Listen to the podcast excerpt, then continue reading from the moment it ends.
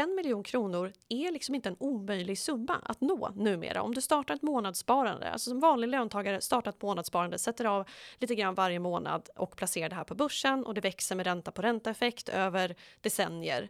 Det är liksom inte omöjligt att komma upp till en miljon kronor.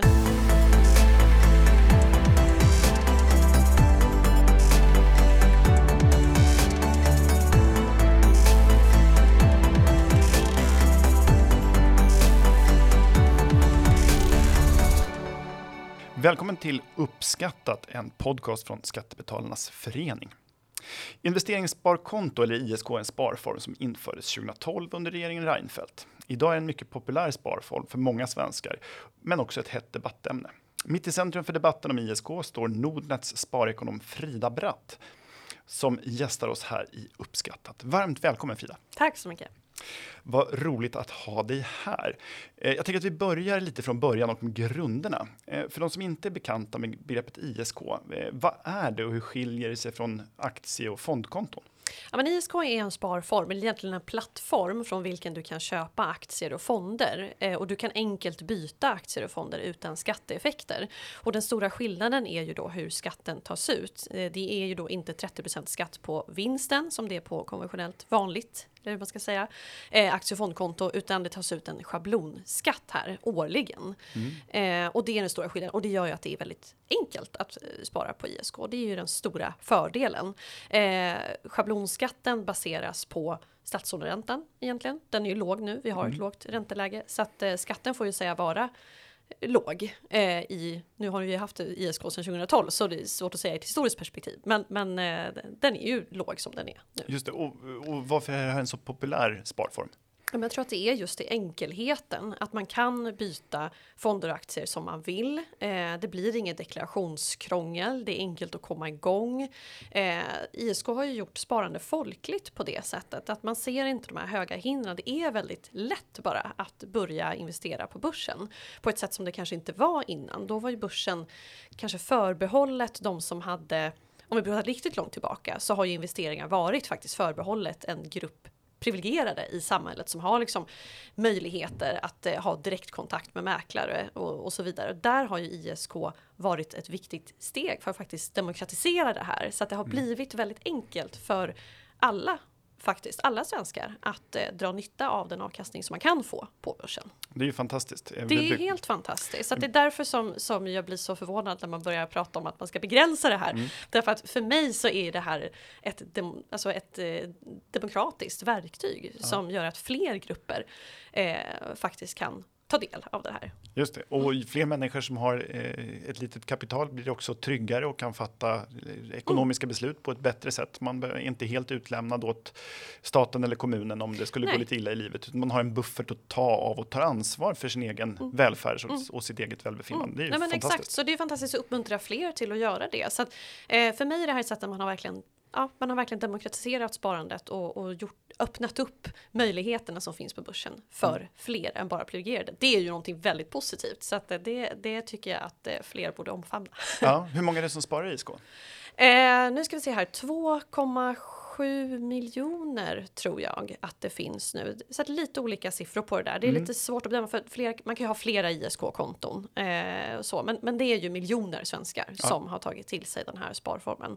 Eh, och det är unga och det är gamla och det är nya sparare och det är äldre sparare som kanske har flyttat sina pengar från vanligt aktie och fondkonto för att man eh, inser att det inte är så fördelaktigt och det är ganska krångligt med 30% vinstskatt så då har man kanske flyttat över pengarna och tagit den här. En flytt innebär ju då en försäljning så att man kanske har men tycker att det är värt det att, att sälja av och flytta över till ISK för att ISK är så enkelt. Mm, ja, vad trevligt. Och jag har hört många ganska unga personer som i min omgivning som, som sparar den här typen av konton till sin första bostad eller första mm. bil eller så där. Så att det här verkar vara mycket av en folkrörelse som berör mm. även många som, som är väldigt unga. Ja men det gör det verkligen. Alltså ISK är nummer ett. Det är det man väljer när man, när man börjar mm. spara på börsen idag. Då är det ISK man väljer. Jag tror att ISK har verkligen fått en plats i allas, alla svenskars medvetande på något sätt. Man vet vad ISK är. Sen har vi kapitalförsäkring Ja. som är eh, snarlik, alltså skatten tas ut på lite annorlunda sätt, men det är i princip inga skillnader. Eh, kapitalförsäkring har sina fördelar faktiskt gentemot ISK beroende på vad man sparar till. Men det är verkligen ISK som man pratar om. Eh, det är ISK som debatten kretsar kring, även om jag tar för givet då när man pratar om höjd skatt på ISK, ja då menar man höjd skatt på kapitalförsäkring också. Ja. Men det är verkligen ISK som är, det har satt sig och det är jättekul. Det är, det är låg tröskel för att börja och det är många som lockas av att börja. Ja, det låter som det är mer populärt än Melodifestivalen nästan. Ja men nästan så. Ja, ja. Det, eh, det har ju varit nu eh, när det har varit låga räntor och börsen har gått som en raket, eh, inte minst då nu under pandemin, så är det många som säger att det är förmånligt att spara i ISK. Men är det alltid nödvändigtvis så att det här är en superbra sparform? Det var det jag var inne på förut nu, att skatten är låg nu, att det har sina förklaringar. Eh, därför att eh, statsomräntan det är ju det som den här schablonintäkten, hur stor schablonintäkt som du tar Precis. upp då i din deklaration, baseras på statsskuldräntan. Den är låg nu. Eh, ja, då blir ju skatten låg. Eh, och sen är det som du säger, börsen har gått väldigt bra. Och då är det ju ett mindre problem att man ska betala skatt oavsett upp eller nedgång. För det är precis som du säger, skulle börsutvecklingen vända och att vi får förlustår, ja, den där skatten ska du betala ändå. Och det är ju det som många kanske inte tänker på och som kanske vissa av våra politiker inte tänker på. Eh, därför att man har faktiskt använt eh, de här argumenten som låg ränta och eh, bra börs som eh, förutsättningar för att höja skatten, vilket man har gjort i olika omgångar. Och det här är ju liksom tydligt så att det är föränderliga faktorer. Att börsen kan ju börja gå dåligt, eh, räntorna kan stiga. Då är det ju inte säkert att ISK är så förmånlig som eh, det har varit. Nej, precis, för att eh, man bär ju risken på ett annat sätt. Det är väl det som är den stora poängen med Ja. ISK. Att om, om du äger aktier till exempel och säljer dem så får du betala reavinstskatt om de går upp. Men Mm. du kan också göra eh, avdrag om du går, säljer med förlust. Medan på ISK betalar du, även om börsen går ner, Mm. så betalar du fortfarande skatt. Exakt, den här schablonen tas ut på Precis. hela kapitalet oavsett. Och det har ju redan gjort i och med de här skattehöjningarna som faktiskt har gjorts så är det ju ändå så att man ska ändå fundera som sparare en och två gånger innan man börjar spara i lågriskprodukter på ISK. Det vill säga räntefonder exempelvis, korta räntefonder som inte antas ge så mycket. De gör ju inte det på grund av det låga ränteläget. Eh, Just av den anledningen att skatten kommer fortfarande tas ut oavsett om du får hög avkastning eller inte. Så att skulle det vara så att eh, eh, ja, men, säg att statsskuldräntan stiger ännu mer, ja, men då blir det ju ännu mer så att man måste tänka till att ja, men på ISK, där hör bara sparande i aktier eller aktiefonder hemma. Och det är ju inte heller riktigt tanken. Vi vill ju att ISK ska vara den här breda sparformen som ska, där, där alla möjliga typer av sparanden och risktaganden ska platsa. Mm. Du nämnde att det är långt över två miljoner som sparar. Jag har sett någon siffra på att det är till och med över tre. Mm. Eh, men eh, hur mycket har en snittsparare på sitt ISK-konto? Vet du det? Ja, vi har faktiskt tittat på Nordnet. Bland Nordnets kunder är det här bara då. Och då har vi tittat på medianbehållningen på investeringssparkonto och då är det 33 500 kronor. Och det var faktiskt en siffra som nästan kanske förvånade mig lite grann. Och, och det blir ju väldigt eh, intressant när man sätter den bredvid de här pratet om att ISK, men där, där finns miljonärer och eh, rika. Alltså det är inte så, utan det är, det är mediankomsten, eller medianbehållningen 33 500 kronor. Och det säger ju ganska mycket, Ja. att det är alla typer av sparanden. Alltså det är sparare som precis har börjat, det är någon som sparar till en lägenhet eller någon som sparar till sitt barn eller barnbarn eller eh, men kunna resa om några år. Alltså det, det är verkligen den typen av sparande som finns på ISK. Det tycker jag den där siffran visar. Ja, ja, det är spännande. ISK infördes som sagt som sparform under 2012, men då såg det lite annorlunda ut än idag, eller hur? Och sen höjdes golvet eh, och då sa Avanzas dåvarande sparekonom Claes Hemberg att det var slutet på en introduktionsrabatt. Vad menas med att golvet höjdes och, och håller du med om den där beskrivningen som Hemberg gjorde? Ja, men det som hände var ju att man, man införde ett lägsta golv och det beror ju på att räntorna har varit så låga under de här åren att eh, ja, det blev till och med så att det att skatten blev för låg tyckte man att det måste finnas ett golv, det måste finnas en gräns för hur låg den kan bli och då satte man det här eh, eh golvet då som är och det är det golvet som, som skatten ligger på nu, det vill säga vi har slagit i golvet nu. Eh, rabatt är svårt att säga. Jag, jag, tycker inte att golvet är det stora problemet Nej. här om man säger så. Jag, jag tycker att det snarare är problemet att man är inne och petar och ändrar i en sparform där många har sina långsiktiga pengar. Alltså det någonstans måste vara grundproblemet här och att man baserar de här höjningarna på faktorer som är förändliga som vi var inne på förut. Eh, och nej, jag tycker väl att golv, ja, inte riktigt så att jag tycker att det är så drastiskt problematiskt med ett golv just, utan det är mer det här att man är inne och ändrar andra villkor, exempelvis ett tak skulle ju vara mycket värre tycker jag. Mm, och det har varit på tapeten nu den senaste tiden, eller hur? Eh, vi kommer att återkomma till, till, till detta senare. Eh, men förslagen för att försämra för de som sparar inom ISK eh, har ju pågått under flera år. Idag så handlar debatten mycket om det som kallas miljonärskatt och som du sa ett tak på sparande i ISK. Vad är den här miljonärskatten och, och det här taket? Hur, hur, hur har de tänkt sig utforma det? Ja, men vilken bra fråga, för det är ju det som är eh, ett av problemen när man börjar prata om en miljonärskatt, att det är ju ingen som vet hur, hur Socialdemokraterna, eller den här, ska vi vara tydliga med då, arbetsgruppen som eh, leddes av Magdalena Andersson inom Socialdemokraterna. Och just det, bara för att tydliggöra det, hon ledde en arbetsgrupp som presenterade sitt resultat här tillsammans med en statssekreterare, Fredrik Olofsson och några till. Ja. Och de presenterade ett förslag som, var en, som innehöll ganska många och Mm. ganska häftiga skatteförslag. Och det presenterades i våras. Exakt. Eh, och, det är ju då inte officiella förslag från partiet Socialdemokraterna, får man vara tydlig med då. Men eh, det stora problemet när man säger att vi vill införa miljonärskatt och sen var det inte mer specifik än så, det är ju att man är väldigt diffus och skapar väldigt många frågetecken och oro bland sparare. Därför att om du ska införa en skatt eh, som börjar någonstans när en sparare har sparat ihop till en miljon kronor. Alltså en miljon kronor är liksom inte en omöjlig summa att nå numera. Om du startar ett månadssparande, alltså som vanlig löntagare startar ett månadssparande, sätter av lite grann varje månad och placerar det här på börsen och det växer med ränta på ränta-effekt över decennier. Det är liksom inte omöjligt att komma upp till en miljon kronor. Så att det här handlar, då träffar man kanske inte de som man ser framför sig som eh, rika kapitalägare. Det är liksom andra grupper som träffas av det där. Eh, men sen är det också, ja, vad går gränsen? Är det en miljon? Och vad ska omfattas? Är det tjänstepensioner? Ja, då är det ju jättemånga som omfattas. Men då kan man ju gå runt och säga att Sverige består av jättemånga miljonärer om man ska räkna in tjänstepensioner. Men det där var- fick vi ju ingen ledtråd om riktigt. Nej, Nej och många föreställer sig, man säger miljonär så låter det som en Mm. farbror som till och med eh, som är några år äldre än jag med cylinderhatt och cigarr i mungipan. Men, men många svenskar är ju miljonärer räknat till de äger i, i sin bostad och Mm. inte minst då i sin pension där många har Mm. så mycket pengar. Och då kan man ju fråga sig varför skulle just sparande i ISK beskattas med någon så kallad miljonärskatt Mm. medans ens pensionspengar i övrigt inte skulle göra det. Nej, Må- många kompletterar ju sitt, sitt pensionssparande Ja. med ett ISK-konto. Exakt, och anledningen till att man gör det är ju för att det finns en osäkerhet kring pensionerna som det ser ut idag. Alltså vi, vi vet att inkomstpensionens eh, eh, andel av slutlönen kommer att vara lägre för kommande generationer än vad det är för dagens generationer. Så att det är många som känner en oro och känner att man behöver komplettera med ett privat sparande. Och då känns det ju väldigt främmande för många att man ska straffas för att Ja. man liksom eh, drar in på konsumtion här och dag, här eh, idag för att eh, trygga sin framtid imorgon. Någonting känns väldigt fel med att en sån sak ska bestraffas.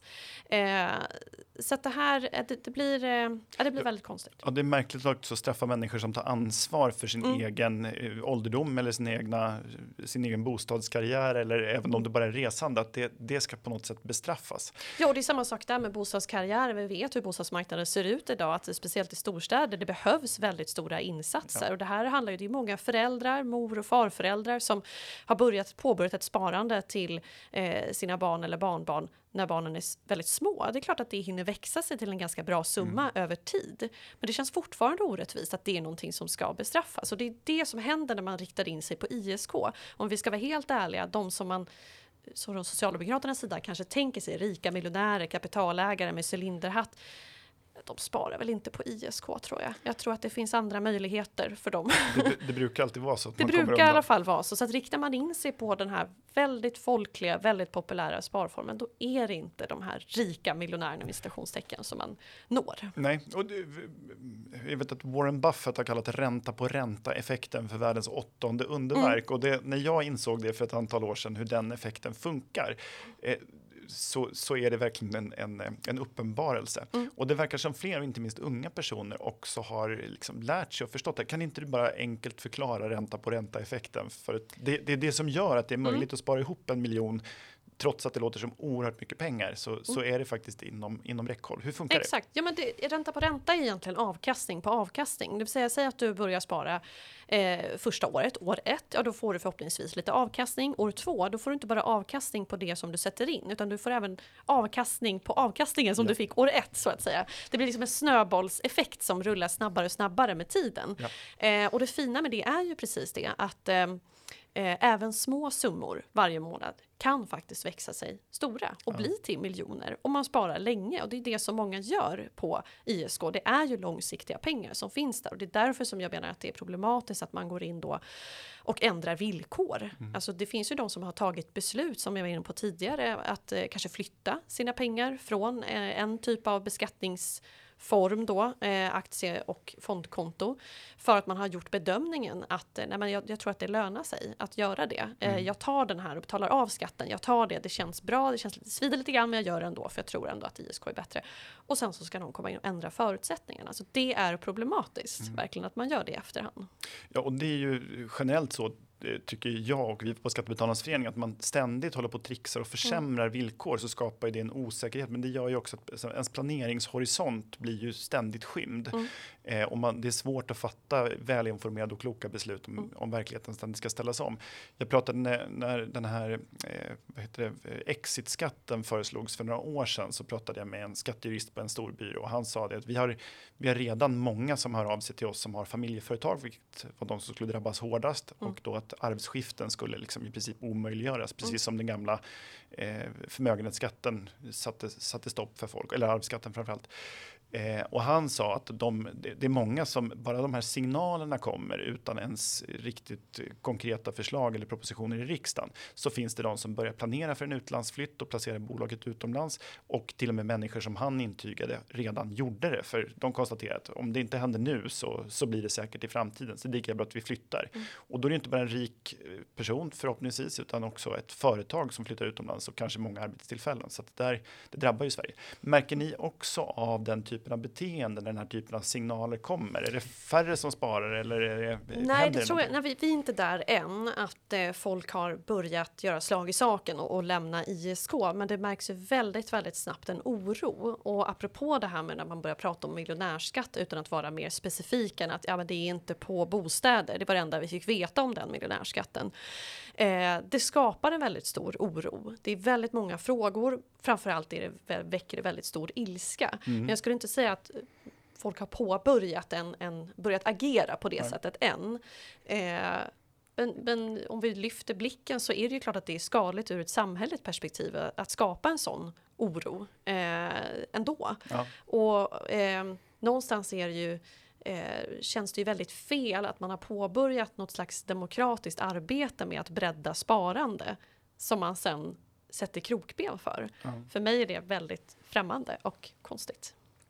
Det, jag tycker också att det är oerhört märkligt och det här har ju varit eh, så, småsparandet för vanliga personer tog väl fart först med allemansfonder då mm. på 80-talet var väl de som allra störst och är ju idag väldigt, är ju väldigt utbrett, framförallt kanske ISK idag, men, men även fondsparande och så där. Så att det, man märker att svenska folket tar ett större och större ansvar för sin egen ekonomi och det borde ju verkligen uppmuntras av, av makthavarna. Ja, verkligen, men jag håller med. Och det, det, det är en folkrörelse, det är verkligen det. Och det, det är det man märker också på reaktionerna mm. här eh, som har kommit sen man började prata om ISK-tak och miljonärskatt. Att det, det är, eh, det är eh, eh, svenskar över hela Sverige som reagerar med ilska. Det är löntagare, det är, eh, eh det är far och morföräldrar, det är pensionärer, det är unga. Det är liksom väldigt spridda eh, ja, men personer, som, mm, eh, mm. personlighetstyper som, som reagerar. Så att det är verkligen brett och en folkrörelse och det är ju jättepositivt att det är, då, att det är så i Sverige. Vi ligger ju i framkant. Mm. I andra nordiska länder då tittar man ju på Sverige som förebild när det gäller ISK eh, och vill göra något liknande. Och helt plötsligt så ska vi då gå i gå tillbaka, ja. gå i liksom en annan Backa. riktning. Backa. Mm. Det, det, ja, det är konstigt. För jag läser av samma reaktioner när vi pratar med våra medlemmar och, och andra. Och det påminner ganska mycket om hur hur den här diskussionen om fastighetsskatten såg ut då för ungefär 15 år sedan när den var som, som mest debatterad och den, när den till slut avskaffades. Att det här att, att eh, röra mina pengar eller mitt hus, upp, det, folk reagerar med rätta starkt mm. på det uppfattas som att politikerna Nej, borde hålla fingrarna jag, borta. Jag tror att många reagerar, det känns, eh, det känns orättvist helt ja. enkelt. Det är ja. det, av alla, jag har pratat och varit i kontakt med väldigt många eh, som har känt sig besvikna över de här nu ska vi se, vara tydliga igen då, inte officiella förslagen, mm. men ändå förslag och tankar som cirkulerar i Sveriges stora regeringsparti. Mm. Eh, och då är den stora känslan orättvisa. Varför ska jag straffas? Jag cyklar till jobbet, jag tar matlåda, jag lägger undan pengar, jag avstår konsumtion för min egen skull för att jag känner mig att jag behöver göra det här för att trygga min framtid. Hur kan jag straffas för det? Alltså det känns orättvist. Ja, och, är, och de ställer ju inte in sin konsumtion, de skjuter upp den till senare. Exakt. Det är ju inte så att de här pengarna, att man inte behöver betala moms när man ska handla för dem senare, utan det får man ändå Nej. göra. Och det är redan skattade pengar. Mm. Så att. Ja, precis. Det är ju också en sån där aspekt som många framför också. Men jag har ju redan skattat med de här pengarna. Ja. Jag borde inte betala någon skatt alls. Det, mm. Jag, hade, mm. jag har haft Jakob Lundberg här och vi har pratat om, om, om den saken också. Mm. Han vill ju helt avskaffa kapitalskatterna, ja. vilket är en, mycket, en synnerligen god idé tycker jag. Ja. Eh, men eh, du har ändå uttryckt viss glädje nu för att inför Socialdemokraternas kongress här senare i höst så har partistyrelsen uttalat sig att eh, de vill höja kapitalskatterna men att de ännu inte har några konkreta förslag. Och du har tolkat det här som att S backar snackar om de här taken som tidigare diskuterats där man har laborerat med siffror som 100 000 kronor eller 200 000 kronor eller om det ska vara en miljon eller vad det nu ska vara. Du tolkar det som att Socialdemokraterna backar och att de inte kommer att lägga ett sådant förslag. Men eh, kan man verkligen vara säker på det? Nej, man kan inte vara helt säker på det. Eh, jag tolkar det som att de, eh, alltså de skrivningar som, som partistyrelsen gör nu, de skiljer sig extremt mycket från de här formuleringarna som den här arbetsgruppen la fram. Ja, och också från förslag som kommer från till exempel reformisterna och ja, sådär. Mm. Exakt, så att man har ju verkligen, verkligen eh, eh, löst upp de här skarpa formuleringarna och formulerat någonting som är varken eller, tycker jag, mm. i, i den här skrivelsen. Och det tolkar jag som att eh, eh man har tagit intryck av de här skarpa reaktionerna som kom. Eh, det är svårt att se att man inte skulle göra det. Det blev så otroligt kraftiga eh, reaktioner och eh, jag startade ju upprop som ja, fick 40 000 underskrifter på bara en vecka. Alltså det blev verkligen ett stort motstånd och högljudda röster mot det här. Eh, så att jag, jag eh, fick intrycket från Socialdemokraterna att eh, ganska snabbt när det här liksom började verkligen blossa upp så pratar man helt plötsligt inte så mycket om det här ISK-taket längre. Inte alls faktiskt. Det var väldigt tyst. Mm. Och sen så nu gör man den här skrivningen som är bara betyder ungefär ingenting. Förutsättningslöst se över eh, så. Men sen är inte det någon garanti förstås för att man inte återkommer eh, jag, senare. Jag tolkar det som att ISK kanske är fredat för nu. Ja, jag kanske är lite, kanske beror på att jag är lite mer cynisk, men jag är lite, jag ser ju det här som att man vill föra frågan av dagordningen inför valet och att man inte vill göra det till en valfråga. Mm. Eh, man skickar ju liknande signaler om fastighetsskatten. Mm. Eh, och att man istället säger att man ska titta, för man säger ju också att man vill höja kapitalskatterna. Mm. Och jag tolkar det som att man vill ta frågan av dagordningen och inte ha ett kongressbeslut om, eh, som är exakta. Man mm. vill ta frågan eh, och lägga den istället efter valdagen. För kommer man då tillbaka i regering kan man ganska snabbt sätta sig igång och utreda. Eh, mm. och ta fram skarpa förslag. Eh, och då har man fyra år på sig att få väljarna att glömma det, de reformer man har genomfört. Det är mm. vad jag är orolig för. Mm. Är... Ja, men, och, och, jag säger det, det, är klart att det finns, man kan ju inte andas ut helt, Nej. så är det ju verkligen. Eh, jag tror att man kan i alla fall andas ut att man har tagit intryck för nu och ja. att man behöver gå fram på ett annat sätt, alltså så som man gjorde. Eh, och, Alltså det, det, var ju inte ett särskilt skickligt hantverk tycker jag när man la fram de här förslagen. Eh, jag tror ändå att man har tagit intryck av det och att man kanske inte var beredd riktigt på Nej. de här skarpa reaktionerna som det här faktiskt väckte också i de egna väljarleden. Eh, det är mitt intryck mm. eh, och, och, det kan mycket väl vara så att man vill komma vidare med det här efter valet och då får vi väl hoppas att eh, man inte har möjlighet att göra det. Att eh, eh, regeringsbildningen efter valet blir sådan att man inte kommer kunna få igenom en sån här sak. Det är någonting som man, det, det kommer sannolikt vara ett, ett ganska komplicerat mm. parlamentariskt läge mm. även då. Jag är mer orolig för, inte så mycket vad de säger, utan vad de inte säger. Mm. För de säger inte att frågan är avförd. Det är samma sak med fastighetsskatten. De säger att vi ska inte ta tillbaka mm. fastighetsskatten. Däremot så är det ju inte, står det ingenting om man tänker titta på att höja till exempel nivåerna på den, eller, eller göra olika nivåer på mm. den befintliga fastighetsavgiften. Jag, jag tänkte ju att det där är politik, att det ja. är väldigt svårt att eh, pudla på så sätt att man skulle säga vi ska inte titta på kapitalbeskattningen. Det vill vi inte göra längre. Alltså att göra en sån sak är ju verkligen att pudla. Ja. Eh, och det här med kapitalskatter, det har man ju pratat om väldigt länge. Eh, och därför tror jag att istället för att göra den här pudeln så luddar man till formuleringarna och det är min tro i alla du, fall. Du är mer optimistisk än ja, vad jag är. Ja, jag är nog lite mer optimistisk. Men jag är också medveten om att det är klart att man aldrig, vi kan aldrig slappna av, vilket är synd för att det här som sagt är en sparform där folk har sina långsiktiga pengar. Man ska mm. inte behöva vara mm. orolig med vad som händer med beskattningen, tycker jag. Nej, jag minns när Magdalena Andersson inför förra valet sa att hon inte såg något behov av att höja bensinskatten och bland det första hon gjorde var att öka dem. Så vi, vi, får se vad som händer. Men vi det, finns, en, händer, det, finns, det finns ju beredskap då för en ganska eh, tuff opinionsbildning. För du nämnde ditt initiativ, det här rör inte vårt sparande. Varför tog du initiativ till det? Eller det, det förstår jag med ja. tanke på vad vi pratat om, men hur såg det ut? Nej, eh, det var ju väldigt tydligt att det fanns den här ilskan hos mm. väldigt många. Det var väldigt många som hörde av sig till mig. Eh, starka reaktioner på sociala medier.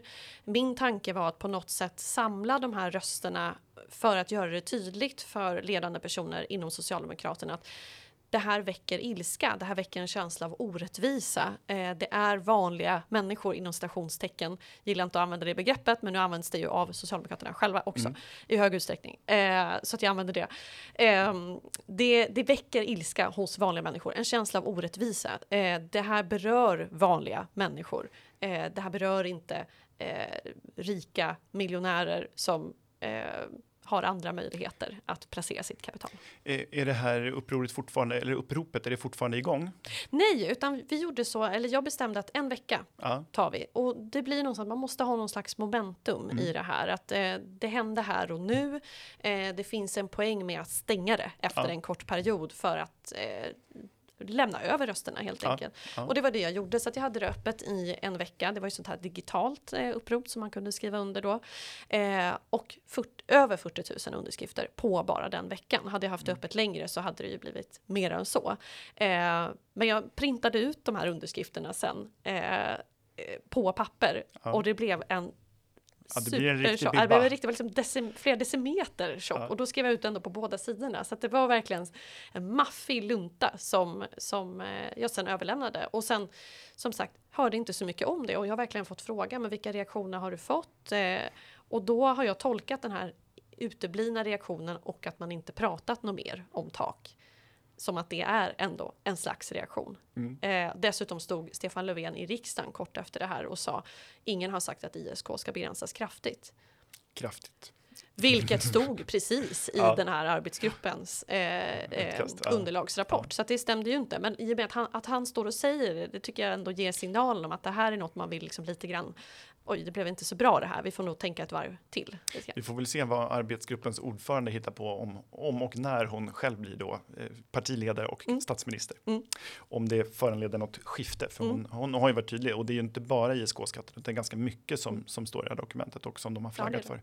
Eh, och det är lika så inför den här kongressen så finns det ju många förslag som går långt utöver vad, vad den här arbetsgruppen mm. kom fram till med, med rejält höjda fastighetsskatter. Man pratar till och med om arvs och gåvoskatt och sånt där. Och det har de ju sagt mm. nu. Där förstod jag att de var ganska tydliga från partistyrelsen att arvs och gåvoskatt vill de inte ha. Mm. Ja, eh, och däremot så säger de att förmögenhetsskatt saknas det eh, just nu eftersom vi inte har ett förmögenhetsregister längre så saknas det tekniska möjligheter. Men det tolkar jag som att det inte är uteslutet att, att titta på den frågan också.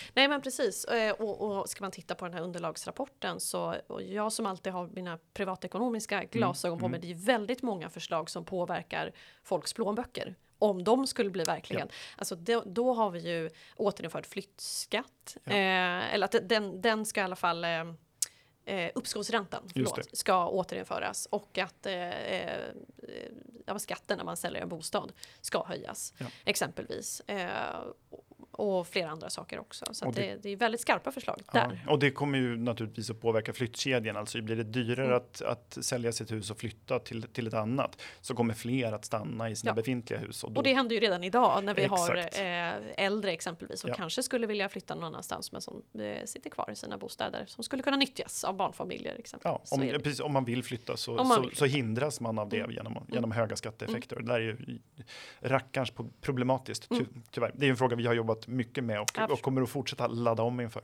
det låter bra. Eh, finns det något du istället skulle vilja se på skatteområdet för, för, att, eh, för sparande? Är det några Ja. skevheter man behöver titta på? Eller? Nej, men jag, jag, tänker, jag är ju väldigt mycket inne på det här med att eh, den här tanken med ISK, att eh, eh, möjligheten att bredda sparandet. Mm. Alltså vi har kommit en lång väg, eh, men fortfarande är det så att det är fler män än kvinnor som sparar på ISK. Eh, andelen kvinnor ökar, men, men, eh, eh, ja, men hos oss på Nordnet exempelvis så två av tre kunder är män. Mm. Eh, och man blir kund på Nordnet för att man ska spara i ISK. fonder eller aktier. Mm. Ja. Ja, ISK, ISK. precis. Eh, så att det säger någonting. Eh, där tror jag man kan göra mycket mer. Man kan också göra mycket mer, få med utrikesfödda, också en sån grupp som, som skulle, man skulle kunna fånga upp mer Mm. i det här beteendet. Eh, därför tänker jag att man skulle kunna, ja men exempelvis eh, eh, skattefritt, första 100 000, Mm. Något sånt. Eh, då ska man grund, också- grundavdrag motsvarande Ja, ja fast för men precis. Ja. Eh, och då skulle man kanske också fånga in unga. Alltså fler grupper som traditionellt sett inte har varit de som har befunnit sig på börsen. Jag tycker det är en fin tanke.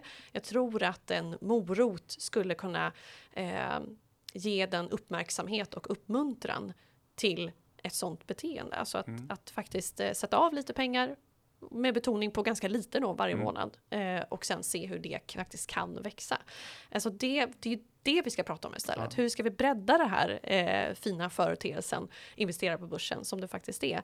Eh, vi vill ju inte tillbaka till att det är de här privilegierade eh, Bara. som- bara, som- utan eh, även då andra grupper. Mm. Eh, vi har tagit stora steg, men, men det kan, sparandet kan breddas ytterligare. Och då tror jag att man kan, skulle kunna göra någonting med skatter. Ja. Ja, det är ju frihetsskapande, alltså som, som vi nämnde, en första lägenhet eller att investera sina, eh, spara undan pengar så att man kan starta sitt eget företag eller Mm. sådär. Det skapar ju autonoma och självständiga medborgare som, som Ja, ja, men det gör ju det. Dels så skapar det möjligheter starta eget, eh, gå- ner i arbetstid, Mm. eh, byta jobb bara till någonting man vill pyssla med. Alltså ta kontroll över sin egen arbetstid. Eh, men det kan också handla om kvinnor som idag känner att det är svårt att ta sig ur relationer ja. På grund av ekonomin. Så att det, det handlar ju också om eh, trygghet. Alltså verkligen frihetsskapande och känsla av frihet men också en känsla av trygghet hos väldigt många gör det faktiskt. Så att det här har liksom många funktioner. Eh, att man sätter av lite grann varje månad och har den här tryggheten. Det, eh, det börjar dags att runda av, men jag tycker att det här för oss in på en, en naturlig avslutning. Hur ska man gå, till, då gå tillväga om man ska starta sitt sparande? Vad, vad är ditt tips för den som vill börja spara? Jag tycker fortfarande att man ska använda sig av ISK. Mm. Eh, ISK är ju fortfarande en bra sparform därför att det är så enkelt eh, och tröskeln är så låg för att börja med det. Så att, eh, undantaget är om du ska starta ett pensionssparande eller spara till barnen. Då finns det anledning att välja kapitalförsäkring istället för att Mm. du kan göra barnen till förmånstagare exempelvis. Men vill du starta ett långsiktigt sparande på börsen, då tycker jag fortfarande att du ska starta ISK och sen eh, välja några breda indexfonder eh, som en grund i portföljen så du får en bra riskspridning, låg avgift på indexfonder. Och sen om du vill kan du alltid toppa med aktier inom sektorer som du tycker är spännande, om man vill. Mm. Hur mycket behöver man sätta av av sin inkomst? Nej, jag, jag gillar inte att sätta en siffra på Nej. det, därför att eh, det finns alltid de som, som eh, kan sätta av mycket. Eh, och de som tycker att jaha, behöver man sätta av så där mycket? Det kan inte jag. Då är det ingen mening att börja spara. Och där, så tycker jag inte att man ska behöva tänka. Eh, så att jag vill inte sätta upp någon miniminivå. Eh, utan kan du bara spara 100 kronor i månaden, men gör det. Ja. Och öka sen. Det är en bra Eh, början. det är en bra början. Alltså bara att börja, bara att komma igång Ja. är det viktigaste. Och sen kanske man kan öka på den där hundralappen om man får lite högre inkomst eh, över tid. Så att eh, nej, jag undviker. Börja i det lilla och, och eh, se hur pengarna växer Mm. och eh, din egen trygghet ökar alltså. Ja, och sen måste man alltid vara beredd på att börsen svänger förstås. Ja. Så är det ju. Det är därför jag är så noga med att säga att det är långsiktiga pengar som ska vara på börsen och det är just det som det ofta är och det är därför långsiktigt sparande just är det som är på ISK. Just det, just det. Vad bra. Eh, Tack så mycket Frida för att du kom hit. Jag är mycket glad för detta och redde ut begreppen och kom också med några kloka tips på slutet. Tack så jättemycket för att du kom hit. Tack så mycket för att jag fick komma. Jag ska avsluta med att säga att Uppskattat är som sagt en podd från Skattebetalarnas förening. Vi verkar för låga och rättvisa skatter, rättssäkerhet för skattskyldiga och minskat slöseri med skattepengar. Vår verksamhet är helt beroende av frivilliga bidrag. Vi tar inte emot några medel från det offentliga. Eh, och vill du stötta oss och tycker att vi gör ett bra arbete så gör man det enklast genom att bli medlem hos oss. Och det blir man enklast på www.skattebetalarna.se bli medlem.